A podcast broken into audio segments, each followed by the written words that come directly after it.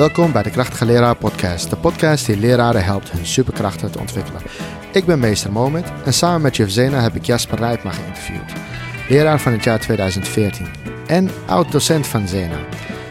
Uh, we hebben het gehad over uh, onder andere rauwe pasta, curriculumdesign en nog veel meer. Veel luisterplezier.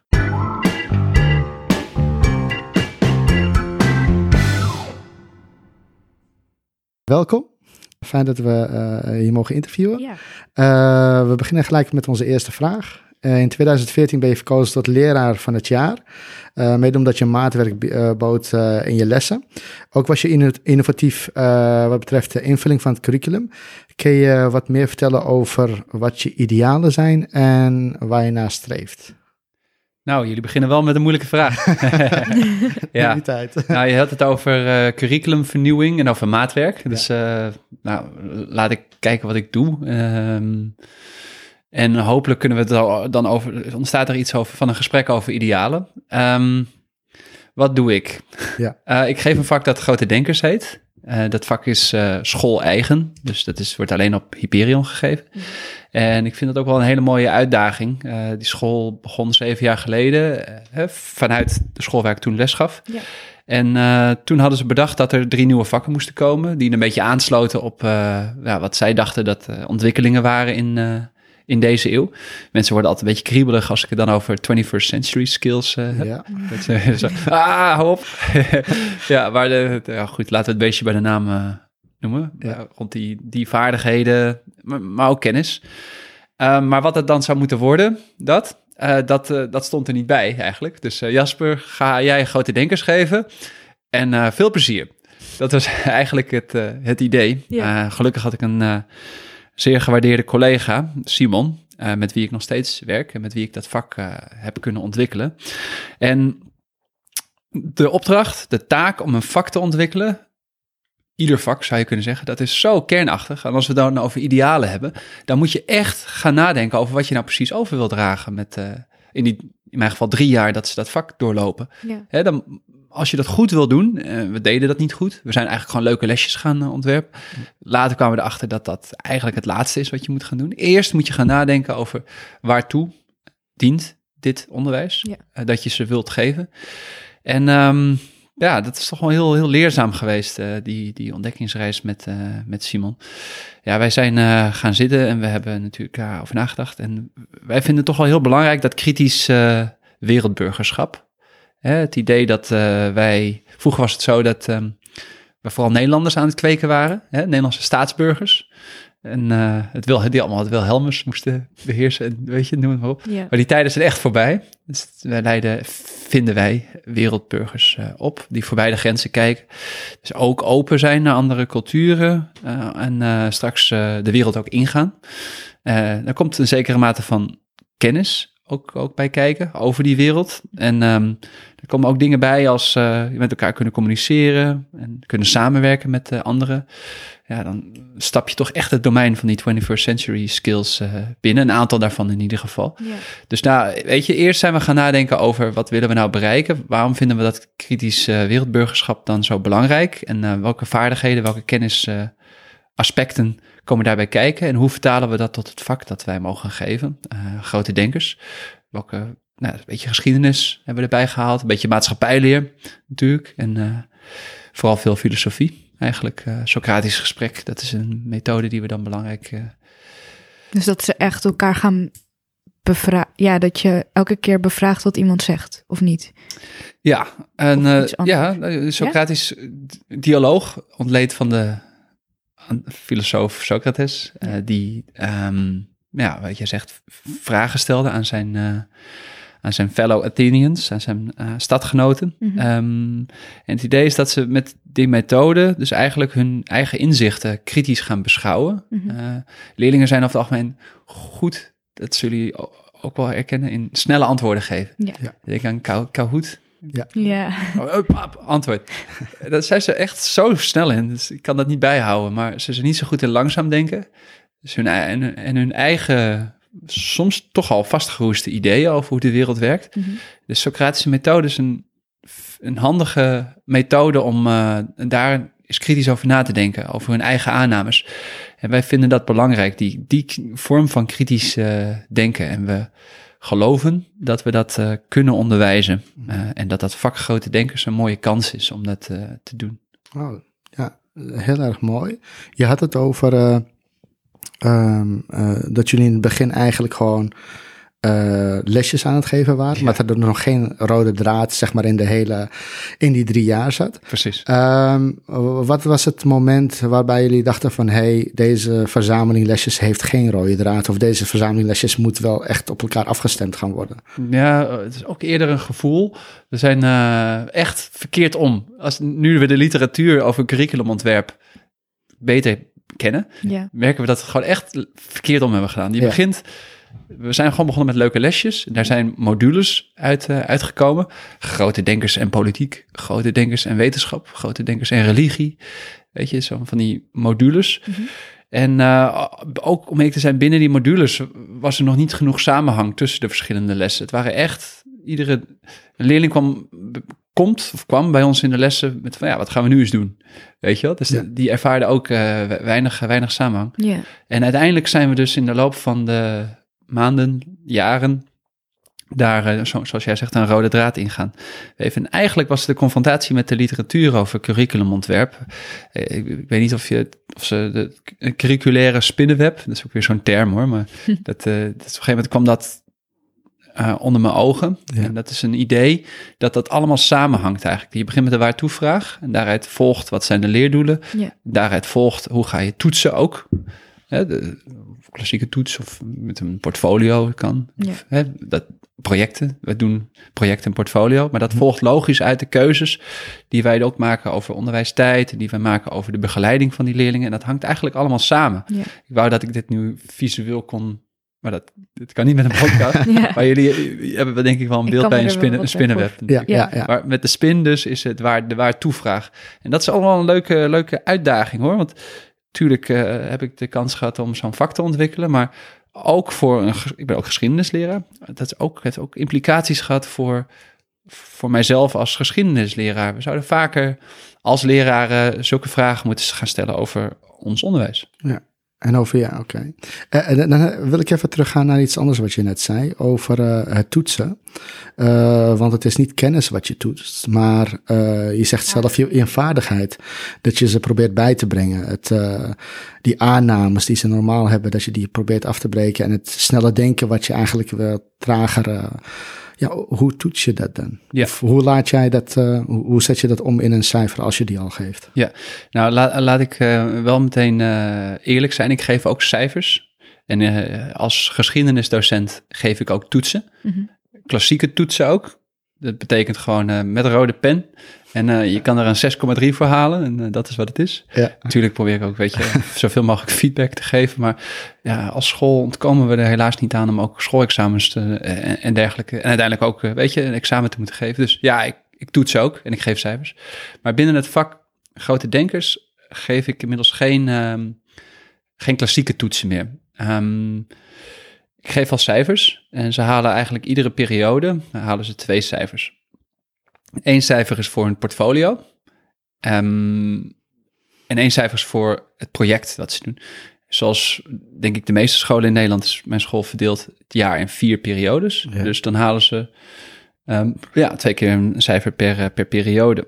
Um, het cijfer voor het portfolio, dat is eigenlijk ja, dat is een belangrijk onderdeel. Portfolio is een verzameling van hun opvattingen over de wereld om hen heen. Als wij met het vak grote denkers beogen hen, ja, hen beter te laten worden in denken, dat is toch een klein beetje de, ja, als ik dat zo mag zeggen, arrogante doelstelling die we hebben. Beter worden in denken. Um, en beter worden ook in de wereld om hen heen uh, bevatten. En uh, dat doen we door middel van het portfolio. Dus eigenlijk iedere les stellen we een grote vraag van de les, of een grote vraag van de week. En die heeft dan te maken natuurlijk met de lesstof. Um, en daar moeten ze dus een, ofwel een Socratisch gesprek over voeren, opnemen, delen, dan wel een betoog over schrijven. Mhm. Waar we dus, uh, ja, weet je, met een beoordelingsmodel, et cetera. Of een vlog over, uh, over opnemen. En uh, nou, dat is een verzameling van antwoorden op deze grote vragen die ze, die ze voorgelegd krijgen. Plus lesstof. We zijn ook gewoon natuurlijk lessen aan het geven. verwerkingsvragen, audiovisueel materiaal. Um, die twee dingen samen leveren ze iedere periode eigenlijk in. En dat is dan het cijfer dat ze voor het portfolio halen. Um, met een beoordelingsmodel om toch een klein beetje te kwantificeren. Uh, of in ieder geval de indruk van objectiviteit. Natuurlijk is dat lastig. Uh, en, daarnaast het project. Dus we proberen eigenlijk iedere periode over het thema wat ze doen. Een samenwerkingsopdracht rond een prikkelende vraag. Ik ben nu net begonnen met wetenschap weer. En dan doen ze een project over sterrenkunde. Uh, waarin ze een vraag moeten beantwoorden. Hoe uh, ja, ons, wat voor gevolg het eigenlijk heeft dat we nu vanuit een ander perspectief naar de aarde kunnen kijken. De eerste mensen die op de maan zijn geweest, die kunnen naar de aarde kijken. Ja. En wat voor gevolg heeft dat perspectief op de, de, ja, eigenlijk de, de, vragen en de uitdaging die we hebben voor de planeet voor de komende, komende decennia, komende eeuw? Dat is wel een uitdagende vraag. Ja, en dat gaat dan over klimaatverandering natuurlijk. Oh ja, ja. Met name. Ja, daar gaat het eigenlijk over. Mm. Het idee dat de planeet kwetsbaar is. Ja. En nou, dit ging heel erg over curriculum, inderdaad. En um, dat van maatwerk heb ik zelf ervaren uh, acht jaar geleden toen ik bij jou in de klas zat. Toen kreeg ik geschiedenis van jou. En ik weet het dus niet meer helemaal zo heel goed meer. Maar ik kan me dus nog herinneren dat je werkte met drie verschillende dingen. Um, daar differentieerde je in en dan mochten wij zelf kiezen wat we gingen doen. Maar ik weet het niet meer heel goed. Het is me wel bijgebleven, maar zou je dat misschien nog kunnen toelichten? Ik vond het zo grappig dat je daarmee kwam. Ik kan me helemaal niet herinneren dat ik dat toen al deed. Want dat is oh. bij later echt een beetje zo'n dingetje geworden. Ja. Uh, bij, bij mij in de les kan je uh, keuzes. Ja. Maar het, ik kan me niet herinneren. Ik, eh, voor mijn gevoel toen ik les gaf op Bredero, ja. Uh, was ik klassieke docent. met, weet je, uitleg en werkboek. Met af en toe een filmpje, maar nou, blijkbaar... Nee, echt zeker niet. Ja. Nou ja, dat is een beetje eh, wat... Ik, ik vind dat eh, als geschiedenisdocent met name belangrijk. Uh, leerlingen keuzes geven in... Mhm. En ik heb dat later wat meer aangepast ook. Um, Ik ben er radicaal in geweest, een periode. En toen weer een tijdje wat minder. En ik probeer daar nu weer meer mee te doen, met differentiëren. Ja. Maar uh, een aantal jaar geleden was het zo dat leerlingen in mijn lessen drie keuzes hadden hoe ze de leerstof konden verwerken. Mm -hmm. Dus uh, ja, naar mijn uitleg. Maar ze uitleg werd, werd uh, eigenlijk facultatief. voor, voor de groep die het nodig had of die het interessant vinden. Ehm, dus inmiddels is er zoveel, er zijn zoveel instructiefilmpjes voor ieder vak.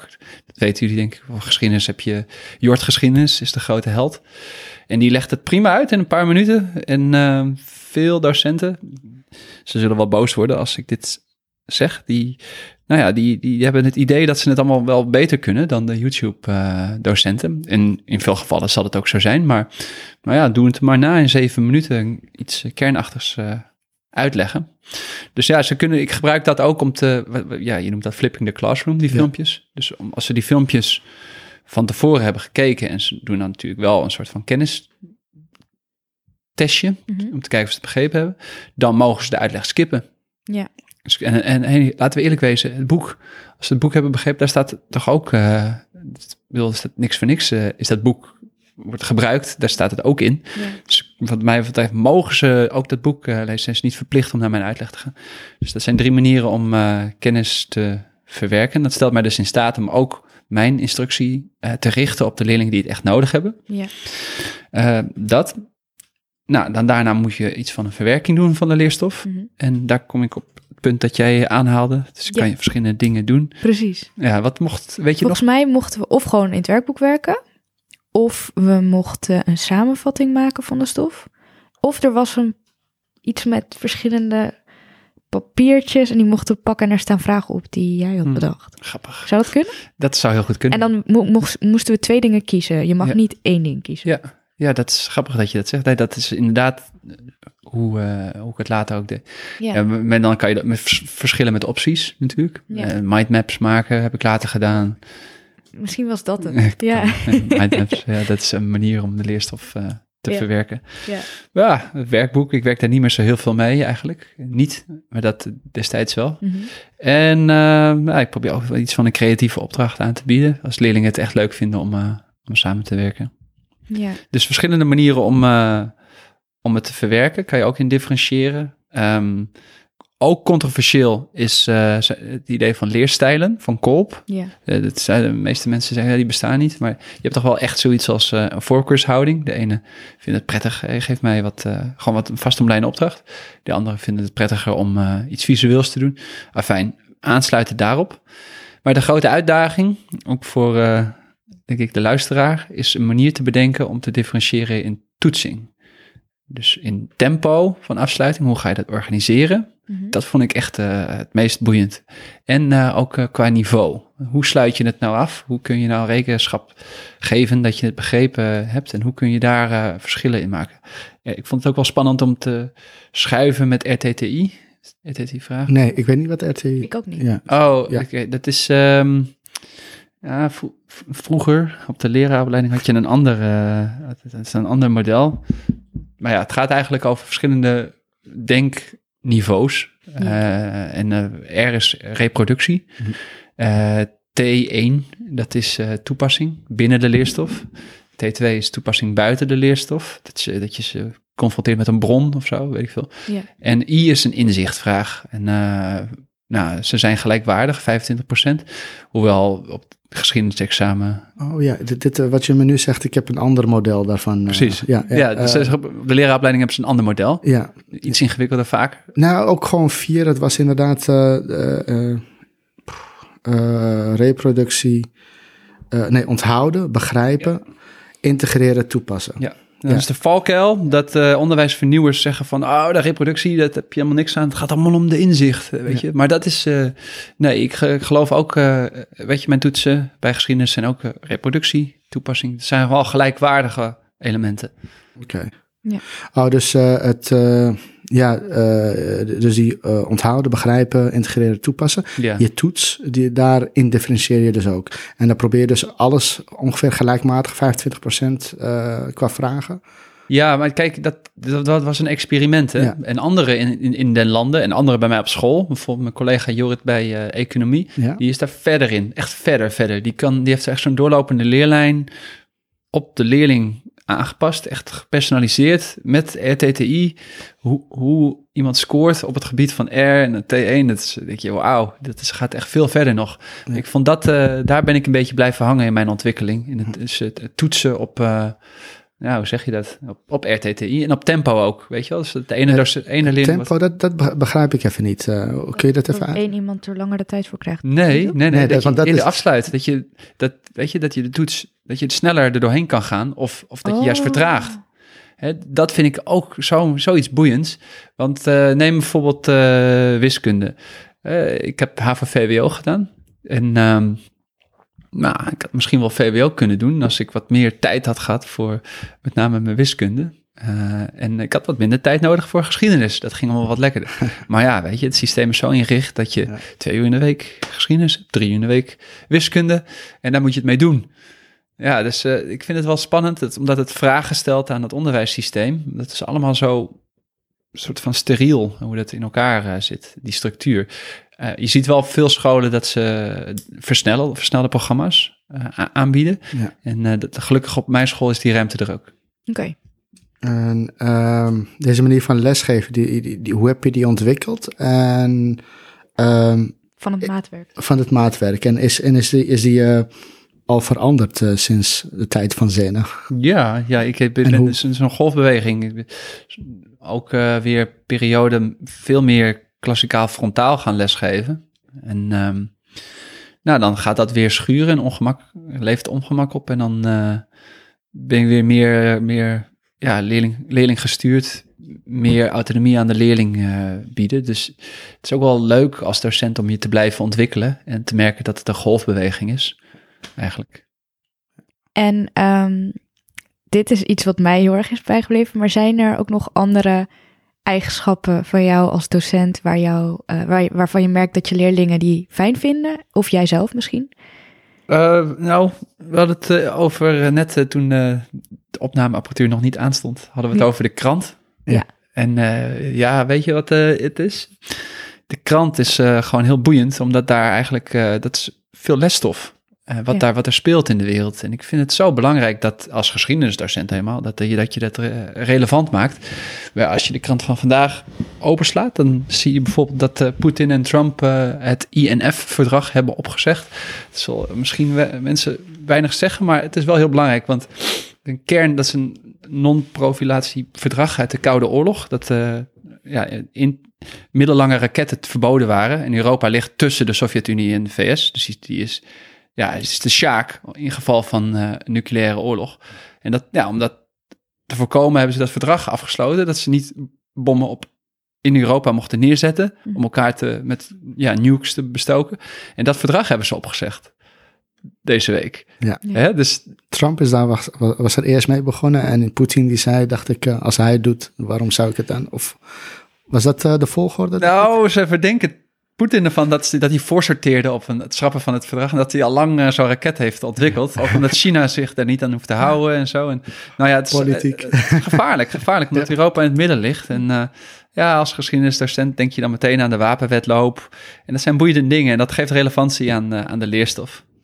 Maar dus je haalt zeg maar de realiteit de klas in. Ik hoop dat dat kunnen doen. Het lukt niet altijd natuurlijk, want uh, laten we eerlijk wezen, het, het uh, de curriculumdruk is ook vaak hoog en de werkdruk en dat lukt niet altijd, maar het is wel een, een uitdaging. Mhm. Zeker als we het nu over klimaat hebben, bijvoorbeeld.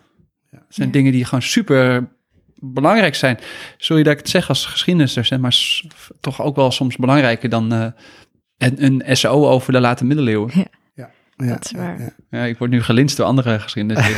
nee, nee, maar ik vind het wel mooi passen bij het doel wat jij stelde voor jouw vak. Het is daar heel relevant voor. Ja, inderdaad. Maar je had het er net over de, de kranten. Uh, dat, dat, dat, dat dat een manier was om uh, de realiteit uh, naar binnen te halen. Zijn er ook andere media die je gebruikt? Ja, weet je wie een held is? Arjen Lubach. Ja. ja. ja. ja. dat is gewoon leuk. Als iemand iets kan, uh, in, vijf minuten kan uitleggen, is hij het wel. Daarom, ja. nou, als er een thema is, dan check ik altijd even, heeft Lubach een filmpje hierover. Ja. Het, is, uh, het, is, humor, het is snel, het is gevat, intelligent, het is top. Ja, ja. ja. Uh, jouw idealen gaan, gaan zoals uh, Zena al noemde, verder dan de klas. Het gaat over het curriculum gaat ook over het curriculum. Hoe ziet jouw ideale school eruit? Je werkt nu op het Hyperion. Ja. Die hebben een glijbaan. Ah, funny. funny. De glijbaan. Ja, dat is het, eerste, ja, het, eerste waar ik oh. aan denk. Maar hoe ziet jouw ideale school eruit? Ja, ik ga verwijzen naar een, uh, een spel. En het spel heet We Own the School. En uh, maar, luisteraar moet maar eens googlen. Het is een bordspel. Het, is, het, is, niet echt een spel om mee te zijn. Het is uh, meer een gespreks opener, gespreksmethode, uh, waarbij je dus eigenlijk gaat nadenken samen over jouw ideale school. Uh, en dan worden er vragen gesteld over eigenlijk alle aspecten van onderwijs. En dan begint het over de lesstof, over het, het hoe, en dan de vraag, ja, hoe, hoe, ver durf je te gaan om leerlingen daarin um, eigenaarschap te geven over wat ze leren? Hoe ver durf, durf je leerling, leerlingen, leerlingen te laten gaan over de lestijd. Dat wil zeggen, uh, ja, wanneer je aan ieder vak of aan ieder project werkt. Wil je projectmatig gaan werken? Uh, hoe doe je het met toetsen?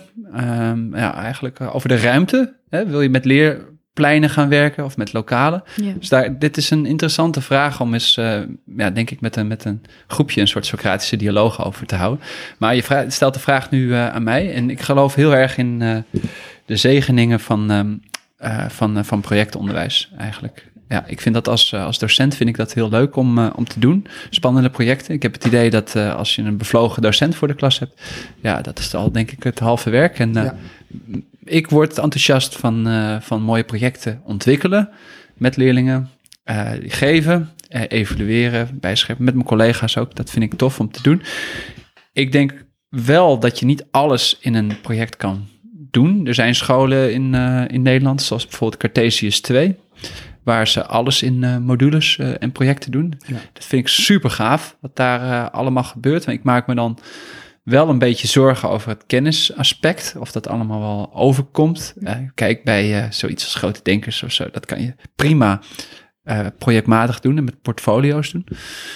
Um, maar de kritiek is dan natuurlijk dat met name vanuit het leren van talen dat dat toch wat lastiger is om dat in projectvorm uh, te doen. En uh, ja, wiskunde, als mijn collega's van Cartesius 2 dat dan horen, zeggen ze van nee, dat kan prima. Als je bijvoorbeeld een boot moet uh, maken, dan heb je er ook wiskunde voor nodig. En ik wil dat heel graag geloven. Ik zoek naar een, een juiste balans tussen dat gave onderwijs, dat ze daar bijvoorbeeld geven, het projectmatige onderwijs, veel persoonlijke ontwikkeling gericht. Um, en uh, het is toch wel een stevige, zonder daarbij stevige kennisbasis uh, uit het oog te verliezen. Ja. Um, daarnaast, dus dat is over het curriculum. Je vraag ging over het curriculum. Ja. Daarnaast, en ik heb dat er ook vaak uh, met mijn vriendin over, met Matanja. Daarnaast moet je je afvragen, onderwijzen we wel de goede dingen?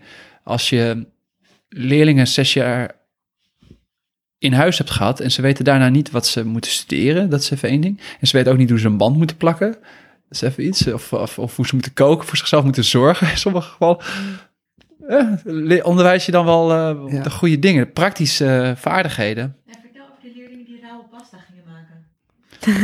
ja. Dat is uh, Matanja die jullie op de achtergrond horen. Wat die zegt, vertel over de leerlingen die een rauwe pasta gingen maken. Ik weet, dat is het kamp, eerste klas. Maar dat waren eerste klassers, hè? die hebben nog geen zes jaar Hyperion onderwijs gehad. Maar die, die zesde klas, de eerste na, klassers... Na zes jaar Hyperion kunnen ze pasta koken. Ja, die, we gingen met ze koken inderdaad. En dat is een feest. Ze gingen met z'n allen naar de Albert Heijn. Ja. Oh wacht, ik mag geen reclame maken. We gingen met z'n allen naar de supermarkt supermarkt. Naar een supermarkt. en wat ook uh, een beleving is trouwens, met de eerste klassers daarheen gaan. En die moesten boodschappen doen. Ik kreeg 5 euro van de school. En ik ging bij de kassa staan. En ik ging uh, checken wat ze in een mandje hadden. En als ze te veel snoep hadden, dan werden ze teruggestuurd. En dan moesten ze ja, iets soort van gezond achters. En dus nou ja, weet je, uiteindelijk uh, allemaal of pasta of pannenkoeken. nou, veel koolhydraten, oké, okay, vooruit. Dus ze gingen ze koken en die, één groepje die gingen gewoon rauwe pasta eten uit, uit het pak. Ze, ze, is lekker, is lekker. ik van, eh, hoe verzin je het? Crunchy. ja, ze, ja, is lekker. Nee, zou je dat eens een keer gaan koken? Oh ja, oké, okay, okay, goed, goed idee. Ja, dat, ik weet niet, dat heb je toch als school. Oh my god. Ja, ja. Misschien, uh, misschien uh, een kooklesje hier en daar geven kan geen kwaad. Ja, ja. Het doet me een beetje denken aan vrije schoolaspecten, wat je die, dat, die vaardigheden aanleren. Zeker, zeker, ja. zeker. Mensen zijn ook allergisch, of zijn allergisch voor een hele hoop dingen, maar ook voor vrije school wordt vaak een beetje lacherig gedaan. Met name dan over, hoe heet die ideologie erachter ook weer? Um, ja.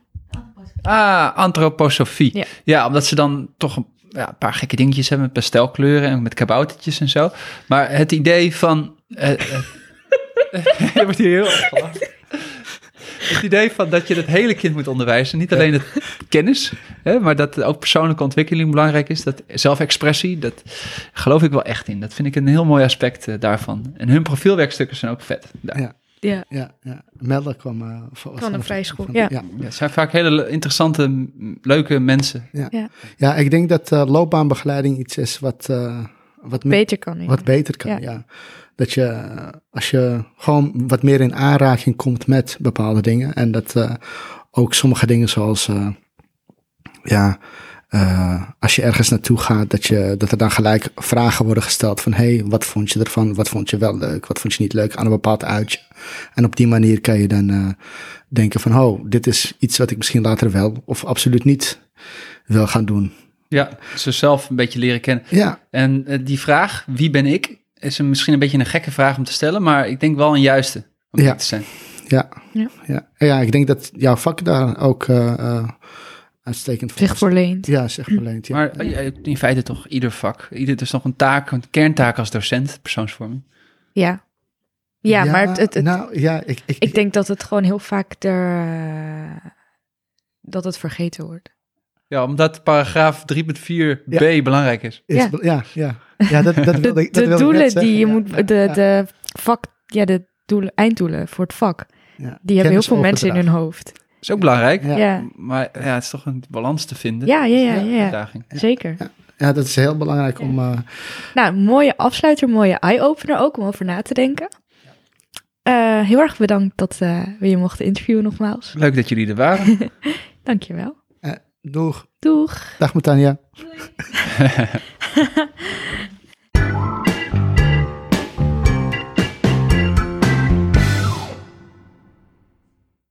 Welkom terug. We hopen dat je hebt genoten van de podcast. We willen Matanja en Jasper uh, heel erg bedanken voor hun uh, gastvrijheid en tijd uh, om de podcast te mogen opnemen. We willen iedereen een fijne vakantie wensen. En ehm, nou, na de vakantie gaan we weer gewoon lekker verder. we hopen dat jullie dan weer zullen luisteren. Tot dan.